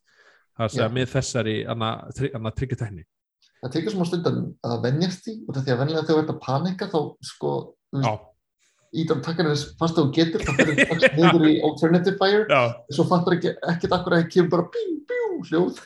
Já, mér fannst það æðislegt, það var svona æðislega hennu, svo þú veist þú hann happið þá, þannig að þið gerir gerir þetta svo vel og þá þú heyrir í, þannig að bæði sjófnum heitir hvenar últið eða hvað það er kallað hann að secondary fire er að hlaða sig, það er svo zzzz, þú veist svona, og, og hækkur upp og þú veist ok, þetta er að koma, þetta er að koma þú veist ekki til, þannig að þetta er rosa skemmtileg hvernig þið gerir þið mitt þannig með þessu, bara með hljóðum bara svona, þetta eru upplýsingar fyrir spilara ok, hérna, og, og, og stæði fyrir að vera kannski allt með í höttinu eða veist, á skjánum og, en satt, en þannig er bara hljóð, ok, ég veit þetta er að koma. Með hljóðið, sko, við vorum bara með tvo svona hljóðgöra í Hásmark, þannig að við fengum mjög mikla hjálp frá Sony. Við fengum þetta hjálp frá sko hljóðið í Returnal er mest af búið til af Sony sjálfum. Og Ok. af svona besta liðinu í Sony að við vorum núna búið til svona fyrsta pure PlayStation 5 leikin það voru nokkur undan en það voru allir svona mixed leikir bæði á fjögur og 5 þannig að okkar leikur var fyrsti leikur sem, þú gast, sem bara fyrir PlayStation 5 og við þurftum að vera gott showcase. Það var rosalega mikið svona pressa á okkur því að við þurftum að vera showcase title og við þurftum líka að sína að það er hægt að vera í þriði personu skot Metroidvania veist, við höfum svo mikið að sanna þetta var ógeðslega mikið stress og við vorum svo hrættur, þú veist, annarkvort á fólk eftir að elska leikin eða bara kjör svona að hata þetta. En já, með hljóðið. Hljóðið var svo, þú veist, liðið það gerir þetta svo vel, ég held ég að aldrei spila neitt leik sem hljóðið var svona velgjert og ég verð ógeðslega svektur ef á The Game Awards við fáum ekki allavega uh, best audio Já, það er alveg klálega veldi sörð. Þetta er svona einn af þessu leikju sem að, þú veist, að koma stundu leiki sem er svona verður að spila þennan með headphones. Þú veist, er, það, það verður ekki nóg mikið undistrykað og feitlitrað með þennan leik. Það er bara, það er bara krúsjál, sko, að vera með headphones í þessu leik.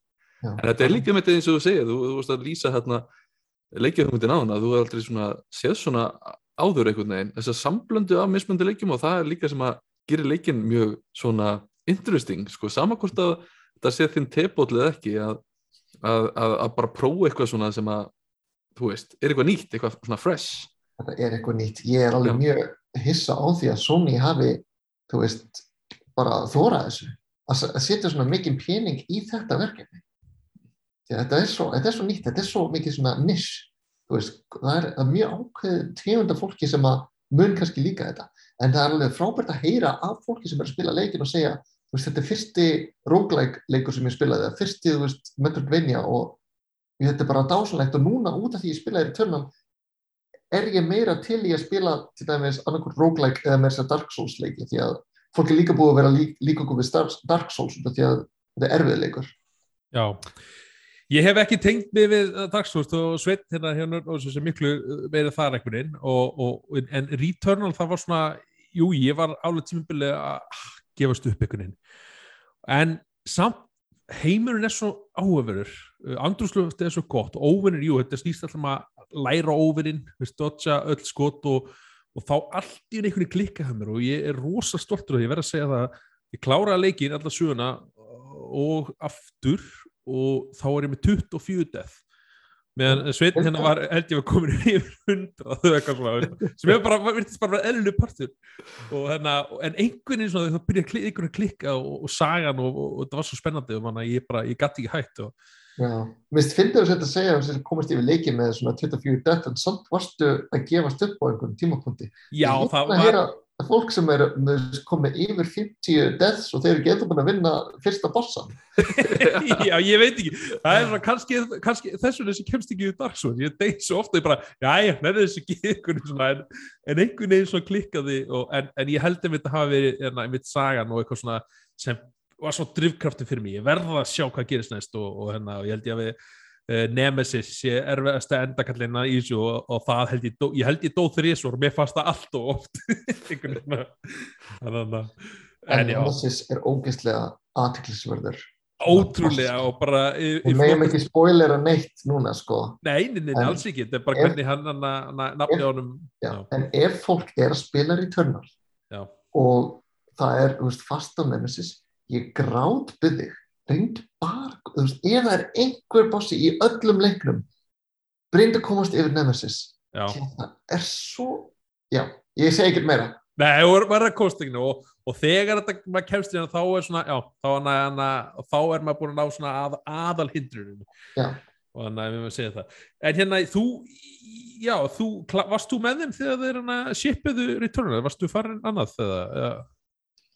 Lánum sjálf. Þannig að Epic Games þeir hafa samband við mig. Því að ég er mjög mikið svona að vera í svona samfélagsdæmi því að veist, áður en ég var að vinna með Unreal Engine þá var ég með Unity Meetups í Finnlandi.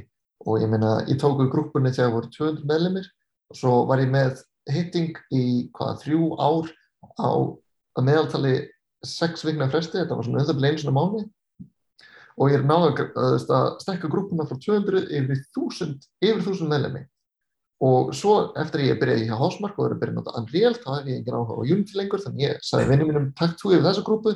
Þúsund manns, you're welcome. Ég ætla að byrja nýja grúpu, ég ætla að gera Unreal Engine grúpu. En við byrjum hana, svo kom COVID en ég náði líka að vera með ein, eina rástefni uh, sem bara pingu lítil, 100 manns, þetta var eiginlega bara stort meetup. En þá hafði Epic sambandið um og sagði, þú veist allt þetta sem þú ert að gera, þessar meetups og þessar rástefnu og og þú ert að vera með, veist, að vera með fyrirlestra um Unreal Engine á öðrum rástunum, þú veist, þú getur ekki borga fyrir þetta allt, þú veist, þú ert að gera það núna allt ókipis og ég bara þannig að þau segja, villu koma að vinna hjá okkur hjá Epic? Og ég sagði nei. Okay. svo, en svo fór ég að pæli þau hefðu þau hefðu rétt fyrir sér, ég, veist, þetta var svona hluti sem ég hefði að gera. En ég var bara rosalega mikið að einblýna á Returnal, því að þetta var svo ógæslega góð reynsla, að vera hjá fyrirtæki sem er veist, búið til arcade-leiki að stekka svo yfir í AA, AAA uh, og við förum í gegnum öll þessi herriks hvernig stekkum við liðið, hvernig höldum við veist, uh, communication flowing? Og hvernig vinnum við saman? Núna COVID veist, og svo ógæslega spennandi svona challenges sem maður þurft að leysa. Að þess með að ég neyfið ég þarf að klára maður leik. En eftir að ég hugsaði mér um þetta þá hafði ég eftir sambandið hann og sagði ok, ég hef áhuga. En, en ég þarf að klára leikin ég get ekki tekið annars þar fyrir en ég er búið með þetta. Líka ég er, þegar, ég er alveg rosalega nöðsynlegur í verkefni ég, mér þætti rosalega slæmt að ég myndi bara skilja eftir með minnan ára eftir að leikum kemur þannig að ég sagði Epic ef þið býðið í eitt ára eftir mér þá kemur til ykkar. Og Epic sagði við erum ekki með neinn annan í huga fyrir öll Norðurlöndin þannig að við býðum Kekja, árið segna við byggum til Gold fórum Gold, það kallast þegar við búum til 1.0 útgáðun og fáum hann disk frá Sony já. sem er bara svona writable disk og svo skrifur einhver með tullpenna returnal og það finnst ég að sjá myndir á þessu á netinu sem að annað fólk er þú veist að, oh, we went gold og eitthvað shitty svona, þú veist, CD writable. Já, þetta er svo trend Nákvæmlega, en við fórum gold og þá sagði ég, ok núna held ég að leikurinn er í nóg góðum höndum, þeir þurfa mikið lengur þannig séð og ég get tekið starfinu. Okay. og ég gerði það. Uh, ég, ég, ég sakna hásmarkleysis, þetta var eitt besta fyrirtæki sem ég hafði unnið hjá, en ég fórum það ekki í sko hvað kallar maður þetta, þú veist það var alls ekki á slæmum nótum. Nei, ekki ásættið, bara svona nýtt tækifæri Þetta var nýtt tækifæri, það skildir þetta allir rosalega vel, þetta bara ó nei, aðra er þetta að fara, ég segi já, ég er að verða evangelist, það segja, nú, ok. Það er perfekt sans fyrir þig. Það er bara fullkomi starf fyrir þig.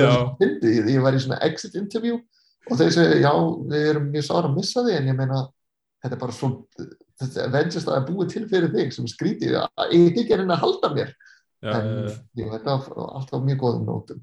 Þá fór ég til Epic Games og þar er ég búin að vera núna í síðan í februar á 8-9 mánu já. og já og þetta er núna núna er ég á Íslandi. Og þetta er fyrsta skipti sem ég fengi að komast til Íslands eftir að COVID byrja þetta búið að vera svo mikið hams.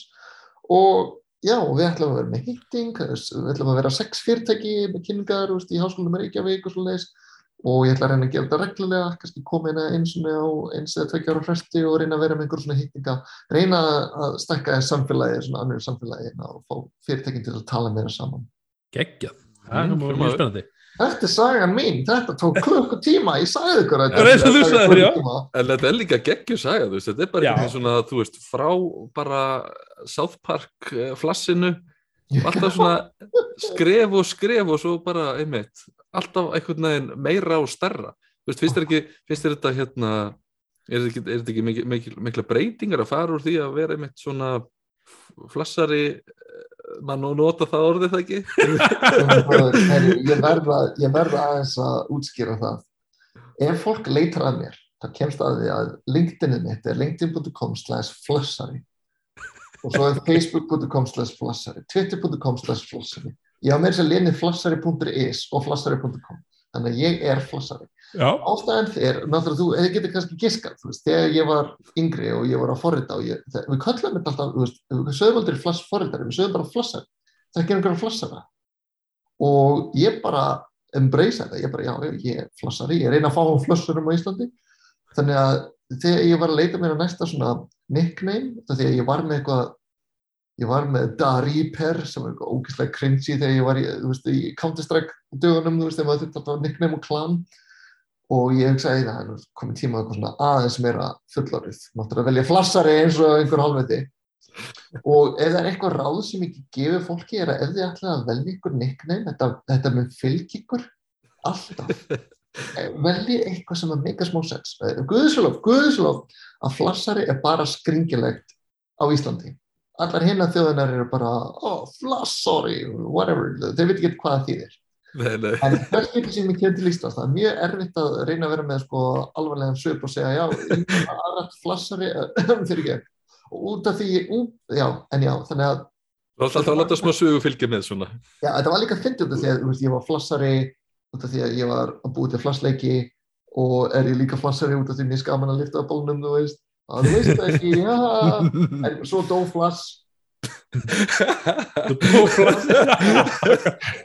Þá verður það já, erfiðara. svona, bara að lifta bólnum. Ég bara, nei, uh, þetta þýðir sko já, þetta þýðir vist ekkert annað. Þjú, ok, þá er það bara það, nú er ég bara he who exposes himself. Já, já, En, já, fyrst finnst þér þetta ekki hérna svona mikil breyting að því að þú fer svona frekar hratt úr þeim heimi einhvern veginn, svona minni fyrirtækjum og svona einmitt flassleikjum og þessu öttar og allt í hennu í eitthvað svona rísa stort verkefni. Svolítið fyndið því að þetta er akkurat auðvögt, mér fannst þetta ekki verið mér hratt. Þetta tók mér 15 ár að fara frá litlum fyrirtækjum yfir í stærri og svo því ég kem í hásmark, þetta var lítið verkefni því ég joinaði, þetta var hvað, 20-30 manns. Og svo stækkaðu, með, meðan ég var yfir verkefni og stækkaðu við upp í 70 manns í hásmark, en svo vorum við með annar, önnur 70 manns sem svona co-development, þar sem við vorum að ráða önnur stúdíu til að hjálpa og pluss Sony og svo leiðis. Þannig að við vorum um það byrjum 150 manns að vinna í leiknum. En þetta Nú- tók samt yfir tvö ára að stækka svona, þetta var mjög gratjól. Þannig að nei, mér, þetta var aldrei neitt svona viðbreyði, þetta var aldrei, hvað er þetta? Þetta var allt rosalega gratjól og hægt og rólegt og, já. En þó svo að við höfum verið að stækka hægt, því er ekki að verkinni hafa verið hægt. Þetta var mjög, var mjög mikið stress hér og þar og, og þess að við reyndum að vera með lítið á yfirvinnu, það er náttúrulega góðar svona yfirvinnu um, hvað kallar maður þetta? Svona protection, nú sérðu hvað ég er yðgar í íslenskunni, ég hef ekki talað þetta almenlega í tíu ár. Þetta er rúglega stærstu samrunna sem ég hef haft síðan ég flytti frá klokkanum Mm. en þeir eru, þeir eru rosalega mikið vernda, þeir, uh, það eru svona mikil uh, vernd fyrir starfsfólkið og yfirvinn og svo leiðis eðislegt, það er svona náttúrulega þekkist betur náttúrulega í Evrópu fyrir ekkert enn í bandaríkana til dæmis Já, já, já, en, og Norðurlöndin já, eru mjög góð í þetta. Þannig að þú veist aldrei alltaf bara að gera yfirvinnu eða ert byggðið um það því að þá Já. fyrir yfirvinnu laun. Akkurat, svo hérna bara verður mórallir betri og, Já, já, þetta skilur og svo máttu alltaf segja nei og svo leiðis í bandaríkinu þá máttu ekki segja nei því að þá er bara ríkin. Í Akkurat. Norðurlöndum er ólulegt að reyka eitthvað fyrir að segja nei við yfirvinnu. Já, þannig að öll yfirvinna sem við gerðum var aldrei út af því að okkur var skipað þá aldrei nefnum skipað yfirvinna við vorum stundum beðinum smá hér og þar. Já, þá já, var aldan út af því að þá þurfti hásmarka að borga meir pening og við vorum með sko strikt budget. Þannig að hefði ekki efna á að vera okkur alltaf að vinna sko 24-7 mhm, þannig að það voru bara svona lótur ein, ein, ein, tvær, þrjá ár hér og þar þar sem við tókum svona svolítið því. En reyndar það, vandamáli er ekki það að einhver byðum að gera yfir. Vandamáli er að þú y- vinnur yfirvinnu út af því og finnst þú þurfa þess mhm, og þannig fer fólk í kulnun. Og ég reyndar fór aðeins yfirum einu sinni fyrir það sem við kallum svona April demo þegar við þurftum að sanna leikin út af því að Sony hefði alltaf geta kipt undan okkur þeir hefði geta cancela leikin já, við þurftum að sanna okkur oft. Að þetta var rosalega riski og þetta var svona stærsta checkpoint þar sem við þurftum að sanna okkur. Og ég bara vann tvær vikur samfleitt að minnstu kosti 12 tíma dag. Það hljómar ekki það mikið, ég meina ég var að vinna miklu meira þegar ég var yngri og nýkomin í innan en veist, við vorum hjá svona indie company og þú veist, þá var bara make or break the company. Já, en þegar þú ert með svona stresstuð og ert aðal forritari yfir 150 manna verkefni þá getur ekki tekið svona mikið inn á þig. Nei, og svo kannski ef, maður, ef þú hefur ástriðu fyrir verkefni, það er þessi returnar eins og sagðir, er eitthvað nýtt verkefni Já, og, en ég meina, þú veist, ástriða líka er, getur notað sem afsökun þangar til þú fer í kulnun og þá bara, já, já, já, þá missir ástriðuna, þannig ég myndi aldrei mæla með að, þú veist, nota ástriðuna til þess að vinna yfirnu. nota nei. til þess að hugsa um hversu mikið þú hlakka til að byrja að vinna næsta dag. Þegar þá er lífið miklu betra. En Rétt. ekki vera að setja alltaf mikið vinnu en ég fór aðeins yfir um og tók mig ég, þessar tvær vikur um, fór ég í smákul ég kalli ekki alvöru sko burnout þetta því að ég náði þá þú veist, ég náði þá að redda mig það tók mig þrjár, fjórar vikur að redda mig aftur. Vá, en ég meina ef við te- teljum alla klukkutímana sem ég tók í yfirnu með við alla klukkutímana sem ég þurfti að eyða í að jafna mig þá erum við komin í mínus. Þannig að þetta var ekki einu sinni þess verði það einu sem ok. við náðum að gera var að vera með þú veist þetta checkpoint á sínum tíma. En allt í allt þegar við mistum fleiri tíma þá var rúglega verri fyrir það. En það kom það út. Þannig að já. Mhm. mm, áhugavert. að- en að er að þessum punkti. Það er eh, maður hugsaði ekki alltaf um, við þetta, það er hann með kulnur í starfi eða sérstaklega í, í, í undir svona pressu. Já, ég reyni alltaf að segja sko út af því að núna ég er svona reynslubolti, er oftast í sínir eða lít stöðu, þá reyni ég alltaf að vera góð fyrirmynd, að vinna aldrei í vinnu út af því að það er vennilega líka sem að vera svona pressa innan í, þó svo enginn sé að segja þér að vinna í vinnu, ef allir stjórnir er að vinna í vinnu, þá finnst þér eins og þú þurfur að vinna í vinnu, mm, en ég gera það ekki. Nei.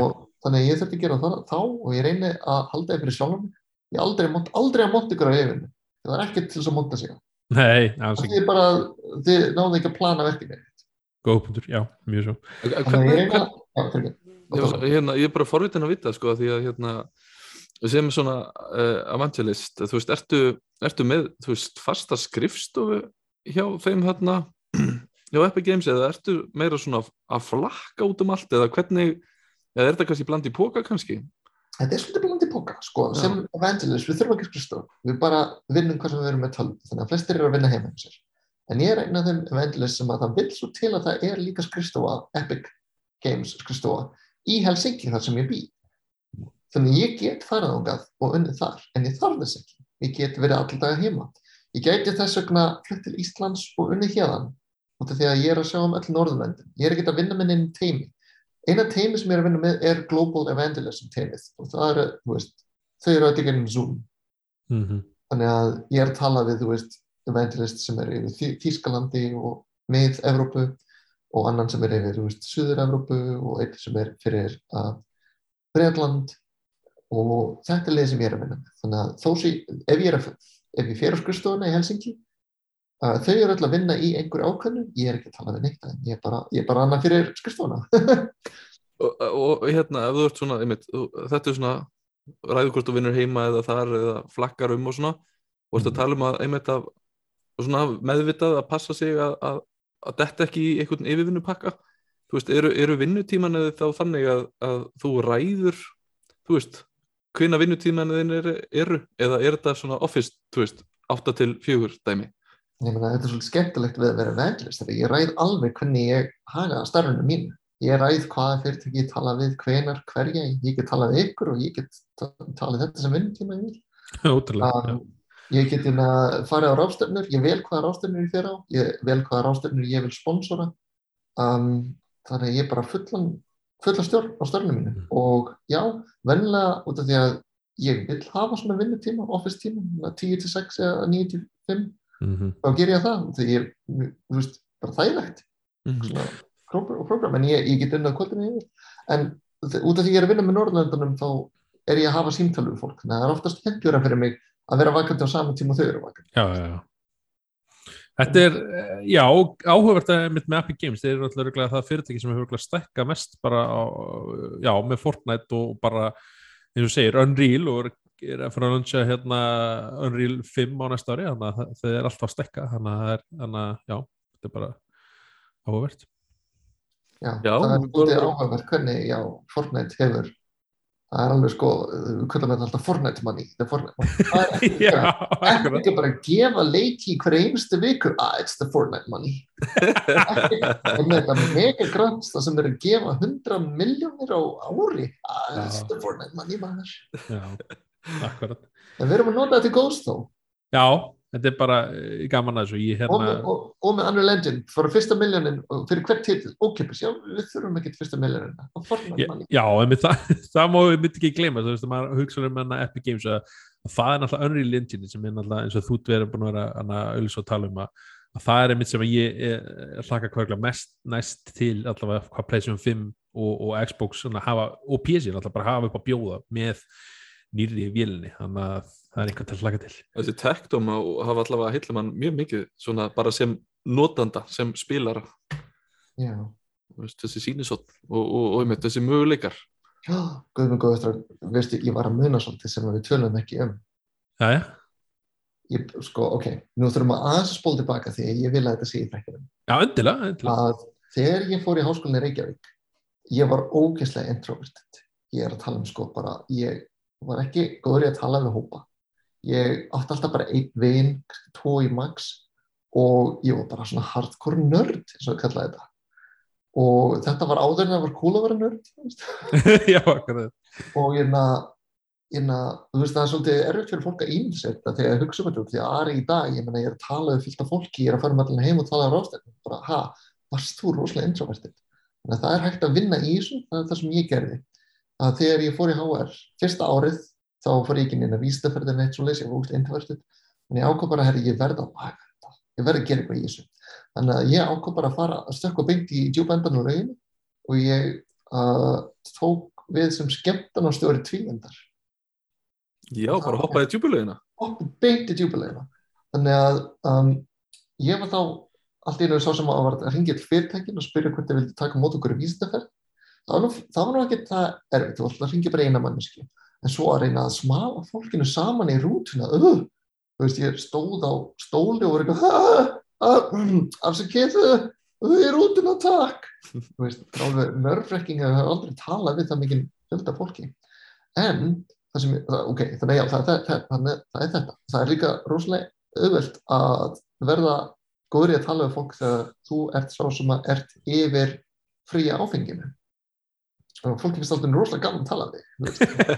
Þetta er nefndurum og ég líka að eitt sem við vorum að gera í tvíend er að út af því að við, við vildum fá fleiri fólk í nefndafélagið því að nefndafélagið, veist, uh, gjöldin borga fyrir rútunar og fría pítsur og áfengi og svo þess þannig að við vorum að hugsa, hvernig getum við fengið, fe- fengið fleiri fólk til þess að joina tvíend? Þannig að við öll stjórnin þetta var, við vorum fjóri að fimm ég, ægir, Eiki Bjarni, Bjarni. Ég er rúglega gleym einhverjum, sorry. En hérna, þannig að við ákveðum herrið, við skulum bara halda lanmót þannig að sem er bara fyrir tvíund fólk. Og svo vorum við að hugsa þess meiri út í það. En ef það er bara tvíund fólk við náum ekki að fylla neina stofu. Við vorum að gera þetta í gamla mokkahúsinu við erum liðin á kringlunni þegar HR var þar. Og við, vorum mjög flott aðstöðu þannig að við, við getum ekkert fyllt þetta þannig að það sem ég gerði er að um, við vorum með þetta mót sem að við leiðum að tvíindingum og ekki tvíindingum að taka þátt en tvíindingar fengu afslátt. Þannig að við köllum mótið af þetta var fyrir háaringa samt uh, en og líka hversum við köllum þetta háaringur þannig að við byrjum háaringurinn mótið sem að ég held að sé ennþá þann dag í dag. Já, það er uh, þá eitthvað að spila í því það, Ég held að það sé stærsta landmóti alltaf í ágúst, það er stærsta? Já, ég, ég veit ekki með stærra, svona hvað hérna með svona allavega sponsor og annað, þetta er náttúrulega ringurinn hérna í, í HR, þetta er svona skengja nafn, HR ringurinn og ringurinn, þetta er samtala. ég held að það hefur mér að kenna að það var engin lína við vorum að ákveða hvort við ættum að kalla þetta HR lína yngurinn, HR yngurinn og fábjánin ég var er ekki gaman að hafa eitthvað svona rugglíslegt það hefur fólk eitthvað til að tala um. Köllum þetta bara hringin bara, en setjum HR stórt eitthvað svona sem við fyndið því að fyrsta logoð okkar var bara allt same case. Að ekki, þú þurftir að vita þetta. Þannig að ég er mjög ánægður með að það var einn tvínstjórn sem fikk nýtt logo og þá voru með landkapal í kringum HR sem var þá stórt og svo yngurinn lítið Já, að betur en við þannig ég er bara óska þeim innlega til hangi með að hafa gert þetta almenlega við vorum alveg fáiðar stjórn hefur að hlusta á mig að láta þetta vera, heita bara hringurinn bara með stóru erri líka. Já, mér langar að segja þessi hérna stærsta landmót uh, eins og er, en svo náttúrulega er komið með Arína, náttúrulega það er annað, það er að spurning hvað, þeim eru að gera. Já, það er samt svona, já, það er þetta kannski eitthvað í framtíðin en emitt, þú Já. veist að hafa verið svona eitthvað stór landmátt hér og þar en sum þeirra hafa bara verið, þú veist online þar sem að fólk er heima á sér stundum eitthvað svona, það er samt ekki sama stemningin og áeringurinn sko. það er ekki lanið sko. Nei, akkurat um, Þannig ég er að fara til HR í næstu viku og ég held að út af því að nú er búið að skipa stjórn svo oft, ég veit ekki svona hvort ég vita hvaðan þetta kom, þegar að minna á by the way, veist, við, við byrjum HR. Það- Þetta er Það er þetta legendary að hafa byrjað það, Já, það er ég mættur, ég kom heim. Konungurinn er mættur. Herri, svona, hérna, nú fyrir svona snýst að annum endur ykkur, ég vil laka svona að spyrja þeirna hvað er svona mælur með uh, fyrir, hlustundur og svona hvað, eða veist, sem einhver sem vill komast inn í svona leikibransan, kannski ekki hvað, já, er það bara skóli er að fykta með Unity, er að fykta með forröndinni, hvernig er svona ekki að komast inn í svona veginn? ógæslega góð spurning, náttúrulega fyrir eftir hvað fólki vil gera, en eða langar að vera til að fara sem leið og ég að vera forritarar. Og nummer eitt er að þú þarf að taka uh, forritin, þú veist, í skóla eða læra það sjálfur. Um, þannig að þú lærir forritin og eða eða þú vilt vera eitthvað annað, til dæmis, þú veist, hönnur eitthvað svo leiðist, þá þarftu samt að læra svona scripting, því að þú þarf ekki að aðeins tengt þetta saman sjálf, þú veist. Þannig að það er ekki, þú veist, þú ert ekki, kemur og segir, ég er með hugmynd og allir hinn er búið til. Nei, það er ekki, það er ekki hægt, ekki, nú, ekki í dag. Ef þú ætlar að vera leika hönnur og þarf að geta, þarf að, þú veist, nummer eitt er að þú þarf að geta svona búið til þín eigin proof of concept. Og nummer tvö er að þú þarf líka að læra um notendur. Þú veist, það er ekki nóg að vera bara, ó, ég kann leiki. Þú þarf að, þú veist, það er þessi online tutorial sem er til dæmis Game Makers Toolkit og svo leiðis. Og uh, hvað heitir þetta aftur? Það er einn náðungi með YouTube channel sem er svona bara stick figure teiknumynd og hann er búin að hækka regnina sína svona. Hvað er ég að tala um?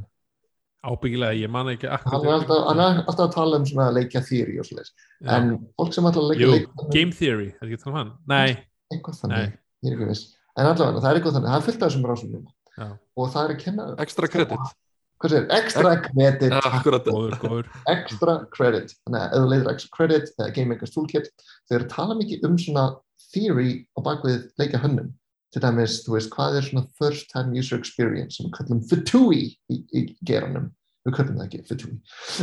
en það er FTUI, þú veist. Og hérna, hvernig getur, því, því ef einhverju spila leiki og notandinn er ekki alveg að fatta hvernig að spila þá er ekki notandinn að kenna, það er þér að kenna. Þannig, þú veist, þannig að þetta er ekki bara að vera með hugmyndir um hvernig að búið til, þú veist, að skemmtilega leik, þetta er að búið til góðan leik, aðgengilegan leik. Akkurat. Og þú þarf að læra allt þetta ekstra, þú þarf að leita þetta, þú veist, þú it out og, þú veist, bara sjöðu inn þessu svampur.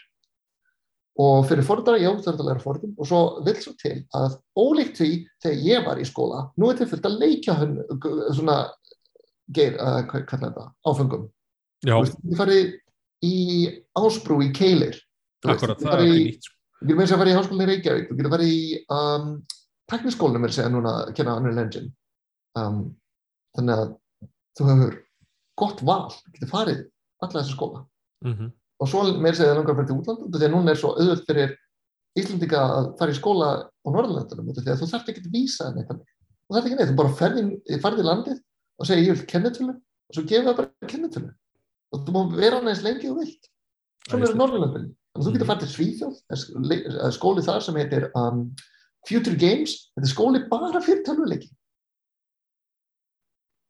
Ótrúlegt. Og svo með sér í Finnlandi, þú getur fengið uh, gráðu, veist, bachelor eða master í, í leiki, veist, við erum með Alto, við erum með skóla í bæ frekar norðar sem heitir Gajani, með Kái Kajani, sem er líka að kenna skóla, uh, að kenna leiki, þannig að það er, og þetta er allt, uh, þetta er svona government skóla, þetta er undan ókipis, Já, akkurat það, veist, ég, ég heita fólki sem vil fara í full sale í bandaríkinum, ég myndi segja að þú þarf ekki að fara það.